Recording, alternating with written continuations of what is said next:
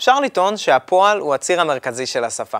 למדנו במהלך הקורס הרבה מאוד פעלים והרבה צורות שונות של פעלים, בואו נראה. התחלנו את הקורס בצורת הבינוני הפועל. ראינו שהצורה הזאת יש לה שלוש צורות. סאקן, סאקנה, סכנין. גר, גרה, גרים. צורת הנקבה לרבות, סכנת, קצת פחות נפוצה בלהגים עירוניים. ראינו שהזמן שהצורה הזו מייצגת זה זמן הווה. נגיד, אנא שייף אינק תעבן, אני רואה שאתה עייף. בהמשך נלמד שימושים נוספים של צורת הבינוני. לאחר שהכרנו את הבינוני הפועל, נחשפנו בפעם הראשונה לצורת ההווה עתיד. זאת הצורה שדומה לעתיד בעברית, עם כל האותיות האיתן שדיברנו עליהן, אכתוב, תכתוב, תכתבי, נכתוב, ולאט לאט למדנו את הצורה במספר קבוצות שונות. ביעול, אומר, ביג'יב, מביא, ביסמה, שומע, ביוקטוב, כותב, או בוקטוב, אותו דבר, וביחקי, מדבר. הראינו אפילו את קבוצת בעמל, עושה, קבוצה מאוד דומה לבאוקטוב. כל הקבוצות האלה הן חלק מהבניין הראשון בערבית, שהוא הבניין הכי עשיר והכי מורכב. הבניינים האחרים משמעותית יותר פשוטים, ואחרי שכבר הכרתם את אותיות האיתן שמוסיפים, אז יהיה לכם ממש קל ללמוד את הבניינים. תשימו לב שבכל זאת הכרנו גם שני פעלים מבניינים אחרים. בתעלם, שזה לומד, פועל מהבניין החמישי, ובישטרל, שזה עובד, פועל מהבניין השמיני. אני אפילו אגלה לכם שנתקלתם בעוד בניינים אחרים, נגיד בפועל ביז'נן, משגע, אבל עם כל אלה נמשיך כבר בקורסים הבאים. אם אתם ממש רוצים כבר להכיר את הבניינים השונים, תצפו בסרטון שלנו שמסביר את הבניינים בערבית המדוברת.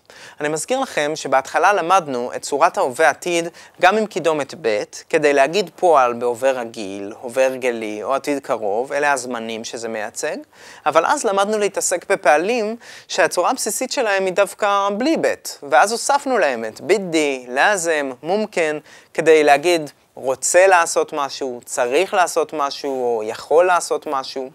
אנחנו נלמד בהמשך איך עוד משתמשים בפעלים האלה בלי ב' במלא משמעויות שונות.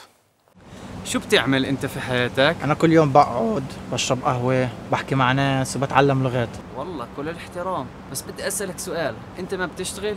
آه بدي أشتغل شو بدك تشتغل؟ سواق تاكسي ليش؟ عشان بدي أقعد وأشرب قهوة وأحكي مع الناس وأتعلم لغات بس في السيارة السيارة.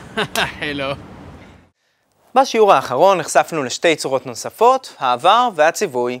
ראינו שצורת העבר ממש דומה לעברית, עם הסיומות האלה ששמים בסוף הפועל. זוכרים?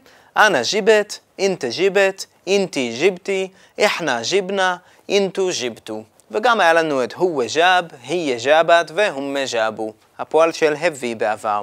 כמו שהזכרתי, צריך להכיר את צורת הבסיס של הפועל, ואז אנחנו מוסיפים לו סיומת, וככה נוצר הפועל בעבר. די פשוט, אבל בכל זאת נלמד את זה לעומק בקורס הבא. אם אתם לא יכולים לחכות, אתם מוזמנים ממש כבר לראות את השיעור שלנו שסוקר את כל צורות הפועל בעבר בבניין הראשון.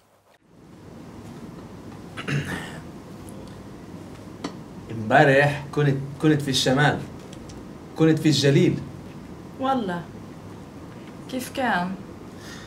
بسادر وانتي وين كنتي؟ كنت في الجنوب بير السبع حلو הצורה האחרונה שלמדנו היא צורת הציווי. רוח, ז'יב, אוקטוב. צורה שלרוב נבנית פשוט על ידי הפלת אות האיתן מצורת ההווה עתיד, ולפעמים גם מוסיפים איזה א' כדי להקל על ההגיע.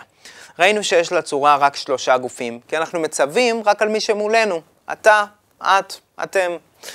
כך, קחי, קחו, כזה סגנון.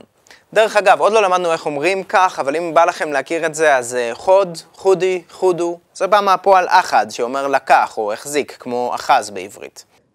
חוד. שוקרן. רואים? די שימושי. טוב, אז בעצם זה כל מה שלמדנו בתחום הפועל.